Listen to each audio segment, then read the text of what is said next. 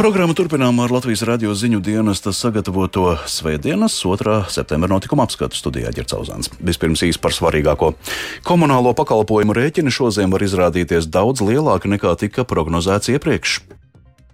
Tā nav tikai jūsu problēma. Tā ir visa, nu vai vismaz daudz cilvēku problēma. Līdz ar to, tā kā visiem bankrotēt neļaus, šajā situācijā būs nepieciešams kaut kāds kolektīvs risinājums. Eiropa varētu noteikt cenu griestus no Krievijas piegādātajai dabasgāzei. Pasaules līderi iespējami drīzāk sola ierobežot arī naftas cenas. Tās valstis, kuras pievienosies lēmumam noteikt Krievijas naftas cenas griestus, nebūs starp tām, kuras turpmāk saņems Krievijas naftu. Mēs vienkārši naftas jomā nesadarbosimies. Pret azartspēlēm noskaņotā Rīgas doma dod zaļo gaismu deviņām spēļu zālēm. Rācinam apgalvo, ka lēmēji nokļuvuši ķīlnieku lomā. Man ir liekta iespēja veikt izvēli, kas ir noteikti faktiski mūsu valsts satversmē, kad deputāti balso pēc sirdsapziņas, nevis kā iesaka. Par šiem un citiem tematiem turpmākajās minūtēs.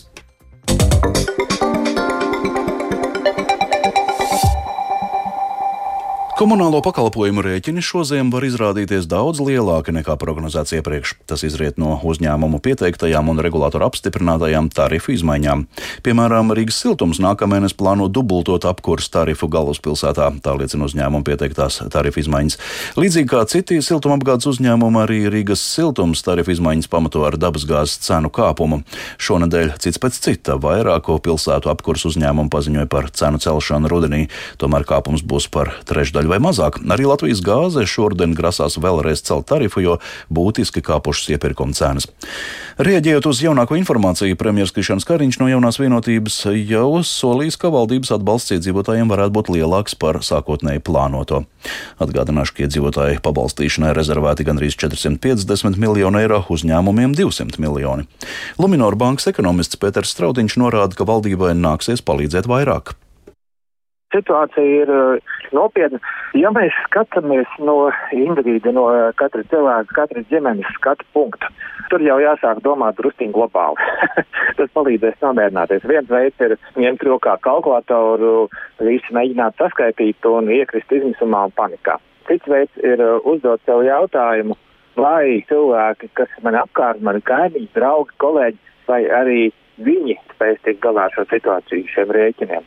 Ja atbilde ir nē, nu, vai ar milzīgām grūtībām, tad tajā brīdī jūs sapratīsiet, ka tā nav tikai jūsu problēma.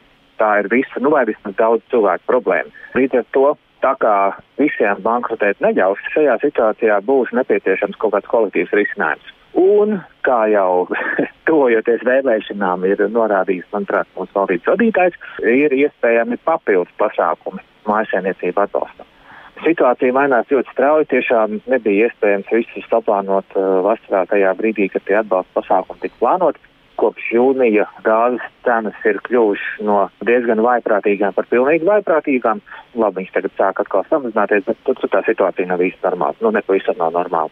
Skaidrs, ka šis risinājums būs uz aizņemšanās rēķina. Kāda pirmajā pusē budžeta deficīts bija pārsteidzoši mazs, bet drīz nekāds, bet nu skaidrs, ka tas atkal pieaugs. Un tā būs jāpieaug valsts domāju var atļauties. Vai inflācijas spirāle nevar iestāties ar milzīgiem atbalsta pasākumiem?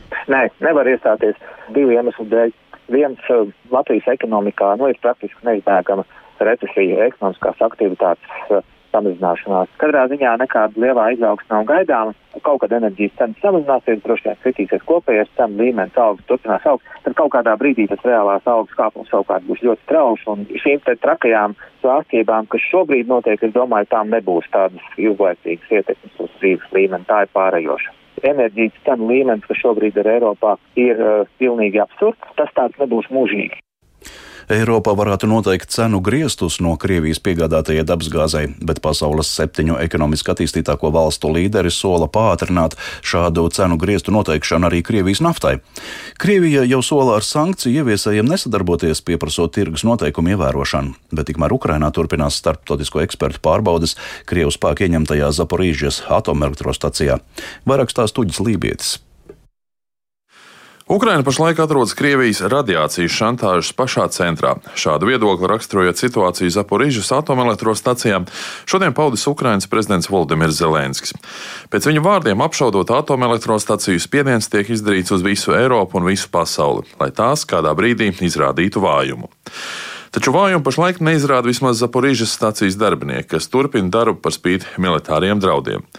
Kā šodien pēc stacijas apmeklējuma norādīja Starptautiskās atomenerģijas aģentūras vadītājs Rafaels Grossi, seši starptautiskie eksperti atomelektrostacijā uzturēsies vēl vairākas dienas, lai pabeigtu ziņojumu, bet divi paliks pastāvīgi, lai arī rūpētos par stacijas drošību.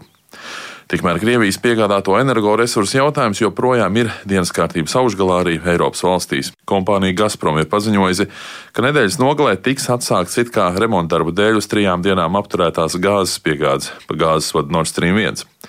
Vācija ir atkārtot apsūdzējusi Krieviju par to, ka tā enerģiju izmanto par ieroci. Ar Eiropas komisijas prezidentu Urzulu Fonderleinu ir aicinājusi aktīvāk domāt par to, kā izbeigt šo situāciju, kā vienu no variantiem piedāvājot griestu noteikšanu Krievijas gāzes cenai. Er Putins dod priekšroku gāzes sadedzināšanai, tā vietā, lai piegādātu to Eiropai un citiem reģioniem saskaņā ar noslēgtiem līgumiem. Mums ir nepieciešams taupīt enerģiju, taču tas jādara gudri, īpaši lielākā patēriņa brīžos. Es uzskatu, ka pašlaik Pašlaik ir īstais brīdis noteikt cenu griestus pa Krievijas gāzvadiem piegādātajai gāzai. Tie ir īstermiņa pasākumi, un, protams, mēs runāsim par to, kā vidējā termiņā izmainīt elektrības tirgus struktūru. Tas nozīmētu gāzes cenas nošķiršanu no kopējās elektrības cenas. Šodien, rīt un parīt pats galvenais ir masveidā investēt atjaunojamajā enerģijā. Cenu griesti var tikt piedāvāti Eiropas līmenī un ir likumīgs pamats Eiropas līmenī šajā krīzes situācijā samazināt arī lielo uzņēmumu peļņu peļņu. Bet tikmēr pasaules industriāli attīstītāko valstu, jeb G7 grupas valsts, ir paziņojušas, ka tās steidzamības kārtā sāks virzīt uz priekšu cenu griestu noteikšanu arī Krievijas naftas importam. Tādējādi būtu iespējams novērst to, ka Krievija turpina gūt milzīgu peļņu no pieaugušajām enerģijas cenām. Vācijas finanšu ministrs Kristians Lindners ir izteicies, ka ierobežojot Krievijas peļņu, būs iespējams mazināt arī rietumu sabiedrībai radītos ekonomiskos zaudējumus. Pagaidām gan nav zināms, cik augsti varētu būt naftas cenas griezti, taču G7 iepriekš ir izteikušies, ka šī cena būtu nedaudz augstāka par ražošanas izmaksām. Komentējot izskanējušās ziņas, Kremļa preses sekretārs Dmitrijs Peskovs uzsvērs, ka Krievija ar šādām valstīm vienkārši nesadarbosies. Tās valstis, kuras pievienosies lēmumam noteikt Krievijas naftas cenas griestus, nebūs starp tām, kuras turpmāk saņems Krievijas naftu. Mēs vienkārši naftas jomā nesadarbosimies ar valstīm, kuras neievēro tirgus principus nafta sāks plūst citos alternatīvos virzienos uz valstīm, kas tirgus noteikumus ievēro. Un šādu valstu ir vairāk nekā bija agrāk. Tiek prognozēts, ka Krievijas naftas cenu griestu noteikšana būs viens no centrālajiem jautājumiem novembra vidū gaidāmajās G20 līderu sarunās Balī, bet gala lēmumu varētu pieņemt decembra sākumā. Starp citu, šajās dienās tieši Balī noslēgušās G20 valstu enerģētikas ministru sarunas, kurā valsts ir apņēmušās pātrināt pārēju uz tīrāku enerģiju. Taču gala dokumentu nav izdevies apstiprināt, galvenokārt jau Krievijas klātbūtnes un iebildumu dēļ. Uģis Lībijams, Latvijas Radio.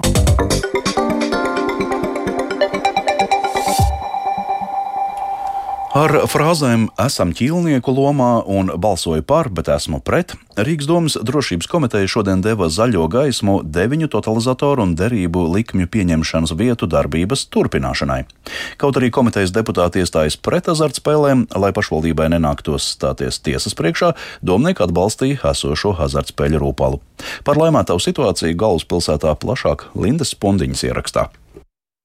Gandrīz pilnīgu klātienes azartspēļu aizliegumu paredzēja Rīgas jaunais teritorijas plāns, atļaujot spēļu zāles tikai četru vai piecu zvaigžņu viesnīcās. Pašvaldību ministrija galvaspilsētas plānu neapstiprināja, tāpēc spēkā ir iepriekšējais Rīgas varas apstiprinātais teritorijas plāns, kur spēļu zāles ir atļautas. Jāpiemin, ka Rīgas doma šo jautājumu risina vēršoties satversmes tiesā. Šodien pašvaldības drošības komitejai nācās atbalstīt deviņu totalizatoru un derību likmi pieņemšanas vietu atvēršanu esošajās spēļu zālēs. Turpina komitejas priekšsādātāju Rīgas vicemēra Linda Ozola no konservatīvajiem. Deputātiem objektīvi šis tiešām ir balsojums pret sirdsapziņu. Ja mēs skatāmies uz to, ko likums mums šajā situācijā pasaka, viņš it kā mums atļauj vērtēt iedzīvotāju interešu aizskārumu. Un, ja mēs redzam, ka tāds ir, mēs it kā drīkstētu arī noraidīt. Bet tad mums ir jāpanalizē, kāda ir bijusi tiesu praksa līdz šim. Jo katrā gadījumā, kad pašvaldības šādi ir rīkojušās, tiesa ir noraidījusi šo pašvaldības prasību. Un tad ir jākompensē gan tiesa izdevuma, gan arī negūtā peļņa šim pašam azartspēļu uzņēmējam. Šī jautājuma dēļ viena komitejas sēde nenotika, jo nebija kvoruma, tāpēc, ka opozīcijas deputāti aizgāja no sēdes. Arī šodien bija plašas diskusijas.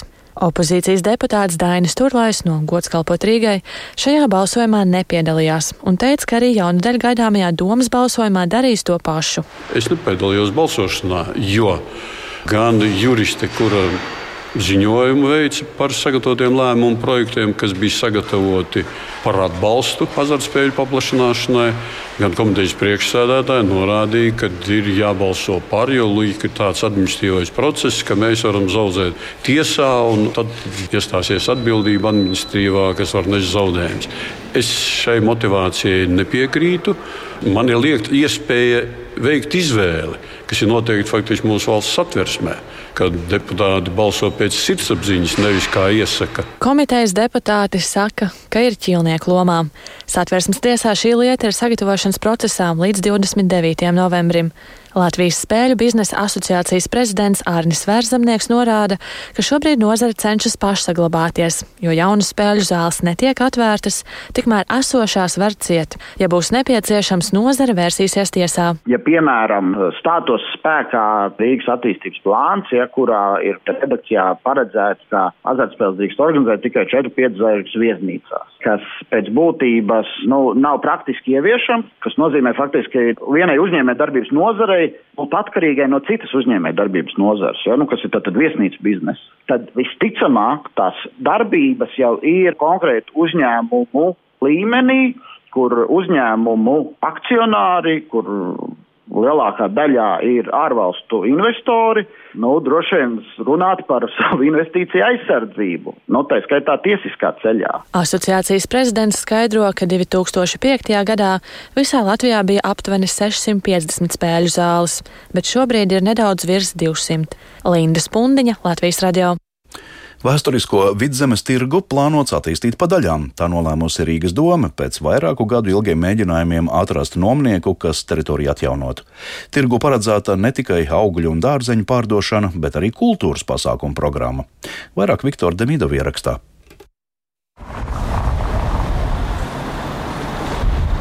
Uzraksts lauku labumi Rīgas viducī īsti neatbilst tam, kā ir patiesībā. Jā, atsevišķi tirgotāji vēl ir, bet vairāk nekā gadsimta senais vidzemes jeb Matīsa tirgus, kas atrodas brīvības un Matīsa ielas krustojumā, jau daudzus gadus ir panīcis. Lai teritoriju attīstītu, Rīgas doma bija plānojusi to nodot nomniekam, taču aprēķināts, ka laukuma un divu eklektisma stilā būvēto paviljonu atjaunošana izmaksātu 10-15 miljonus eiro.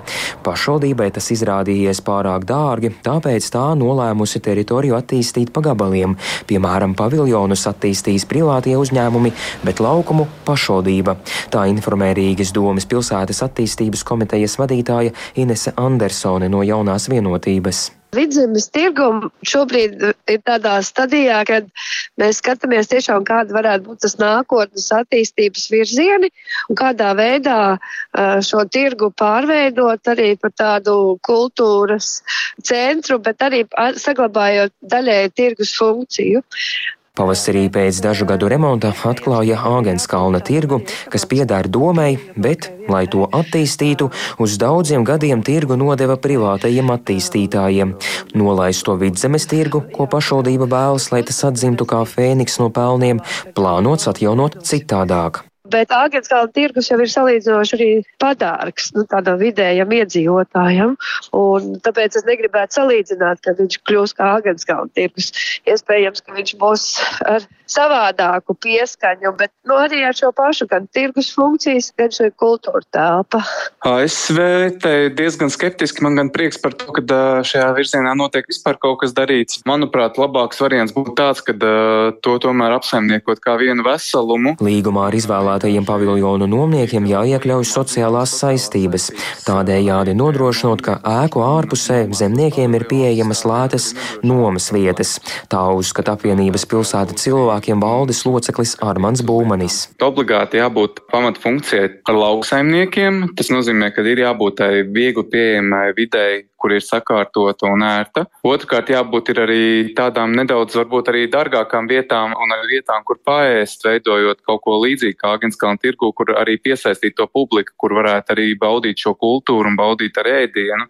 Nevajag uh, nekad uh, kādu vietu attīstīt ļoti šauri. Turpretim ekonomikas speciālisti pašvaldības iecerēto atbalsta, skaidrojot, ka tirgus panīkums sākās tad, kad tas nonāca Rīgas centrāltirgus paspārnē. Citiem vārdiem sakot, to apsaimnieko viens vadītājs. Turpina Latvijas Universitātes starptautiskā biznesa programmas vadītāja profesora Baiba Šavriņa, uzsverot, ka apkaimes tirgi pašvaldībai ir jāattīsta. Mēs redzējām to, ka centrāla tirgus nav ieinteresēts šādas tirdzniecības attīstībā, nu, tas tā kā konkurence parādās. Tie vairāki nomnieki, kas, teiksim, attīstītu šo teritoriju, katrs ar savu mērķu un katram savu misiju, es domāju, ka tas būtu tiešām loģisks arī risinājums. Skaidrāka darbu vīzija gaidāma nākamajā gadā, bet jau tagad zināms, ka visas teritorijas labiekārtošana izmaksās vairākus miljonus eiro. Viktors Demidovs, Latvijas radio.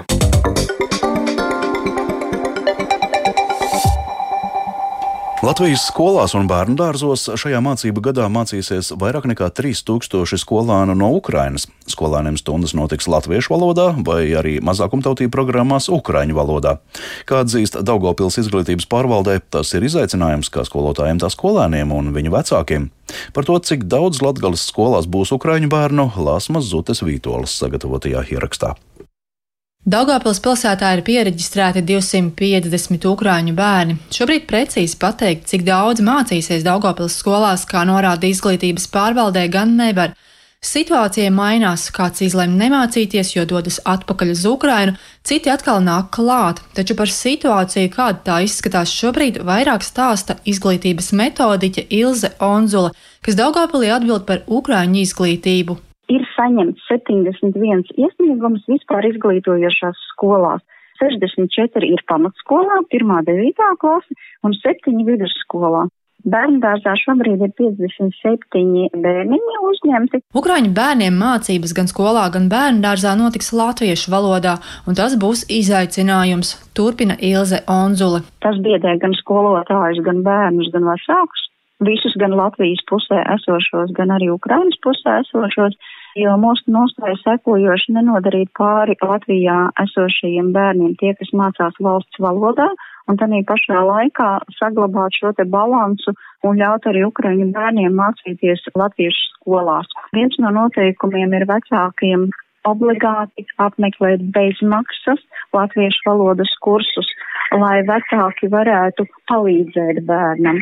Savukārt Rēzaknes novadā, salīdzinot ar pavasari, ir nedaudz samazinājies to bērnu skaits, kuri vēlas apmeklēt novada izglītības iestādes, apliecina Rēzaknes novada izglītības pārvaldes vadītājs Gunters Skudra. Iepriekšējā mācību gada mums noslēdza 49 Ukrainas skolēni, kas mācījās mūsu izglītības iestādēs gan pirmsskolā, gan skolās. Šobrīd pēc datiem uz 1. septembri izvēlējušies mācīties 38 Ukraiņu skolēni. Vairāk bērni bērni ir piepilsētas Verēm pamatskolā, kur mācīties vēlas 13 ukrāņi. Divās skolās būs 8 un pārējās 2 vai 3. Tāpat kā pavasarī, arī tagad papildus turpināsies ukrāņiem latviešu valodas apguve un skolotājiem, skatoties pēc situācijas, būs arī palīgi. Stundās, protams, būs nepieciešams veltīt bērniem individuālu uzmanību. Kur arī tiek piesaistīti gan asistenti, gan arī skolotāji palīgi, kas individuāli varētu arī palīdzēt un veikt šo papildus pienākumu un darbu stiprinot viņu zināšanas. Daugopilī plāno, ka stundās varētu nākt palīgā skolotāji no Ukrainas.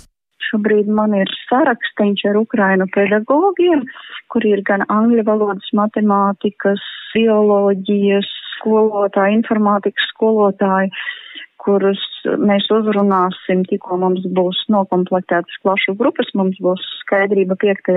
septembrī, cik reāli bērni kurā klasē ir, un tad mēs jau varēsim pieņemt lēmumu, cik Ukrainas civiliedzīvotājus pedagogus kā skolotāju palīgus mēs varam piedāvāt izglītības skolām. Savukārt Rēzeknas pilsētā pēc šā brīža datiem skolās mācīsies 46 skolēni un bērnu dārzos 25. Lāsma Zuta Vītola Latvijas radio studija Latgalē.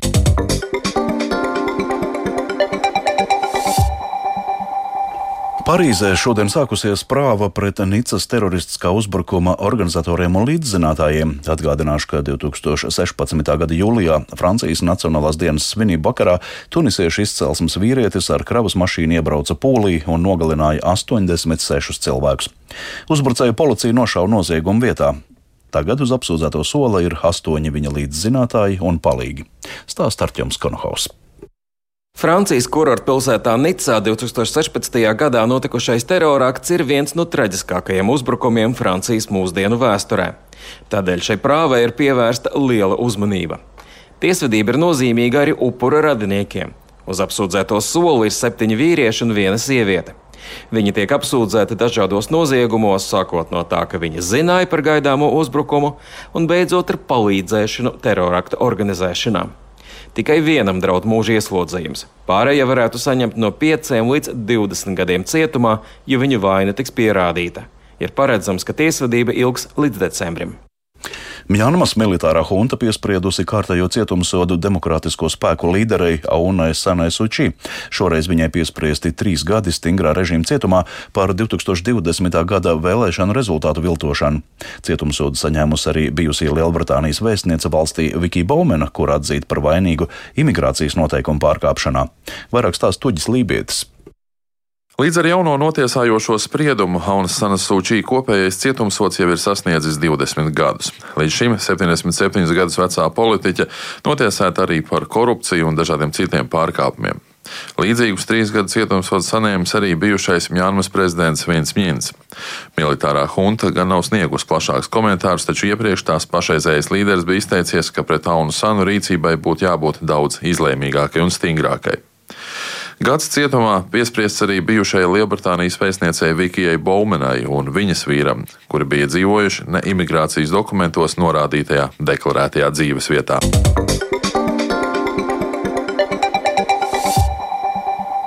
Šodien Liepājā pie koncerta dārza Pūtvēņa Jūrmāls parka tenis kortos atklāja mākslinieka Egona Perševics bronzas skulptūru, kas veidota par godu Liepājas tenisa sporta skolas ilgadējam trenerim Edgaram Ernestsonam. Pieminekļa tapšanu inicijēja Edgara Ernestsona piemiņas fonda dibinātāji un draugi, piesaistot ziedojumus. Liepājas tenis kortos Edgars Ernestssons izaudzinājis daudzus izcilus sportistus, kas guvuši lielus panākumus Latvijā un pasaulē. Gandarījumu par piedāvāto iespēju veidot bronzas skulptūru pauž mākslinieks Egons. Egons Perševits. Man bija ļoti patīkami, ka mani uzaicināja Ernstona fonds, tenisisti, bijušie audzēkņi Edgara Ernstona. Viņi vēlējās radīt tādu pieminekli, kas attēlotu vai iekļautu to, kāds viņu atmiņā ir palicis treneris Ernstons, ka viņš ir tas kortu labais gariņš. Un tad man vajadzēja radīt to skulptūru, kura iekļaut sevī šo visu mīlestību un gādību, kas ir tas, kā viņu atcerās viņa audzēkņi. Izvēlētā vieta arī ir viņa iemīļotā vieta, kur viņš uh, sēdēja un vēroja ne tikai sacensības, vēroja arī savus audzēkņus.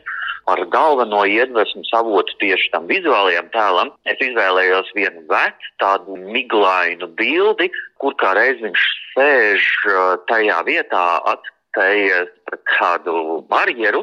Nu, kā tādu es viņu mēģināju arī veidot. Un vēl šovakar pēc aptuveni pusstundas sāksies Latvijas žurnālistu asociācijas izcelības balvas 2022 pasniegšanas ceremonija. Igadējā konkursā par izceliem sasniegumiem žurnālistikā žūrija izvērtējusi 116 iesniegto darbu, izvirzot nominantus vairākās kategorijās. Izcelības balvai eh, nominēti arī sabiedrisko mēdīju Latvijas radio un Latvijas televīzijas žurnālisti. Līdz ar to izskan piekdienas 2. septembra notikuma apskats. Producents Edgars Kopčs par labskaņu rūpējās sievietes zvejniece un Renārs Šteimans studijā ķercauzāns. Vēl par svarīgāko - komunālo pakalpojumu rēķini šoziem var izrādīties daudz lielāki nekā tika prognozēts iepriekš. Eiropa varētu noteikt cenu griestus no Krievijas piegādātajai dabasgāzei. Pasaules līderi iespējami drīzāk soli ierobežot arī naftas cenas. Pret azartspēlēm noskaņotā Rīgas doma dod zaļo gaismu deviņām spēļu zālēm. Rācinam apgalvo, ka lēmēji nokļuvuši ķīlnieku lomā. yeah.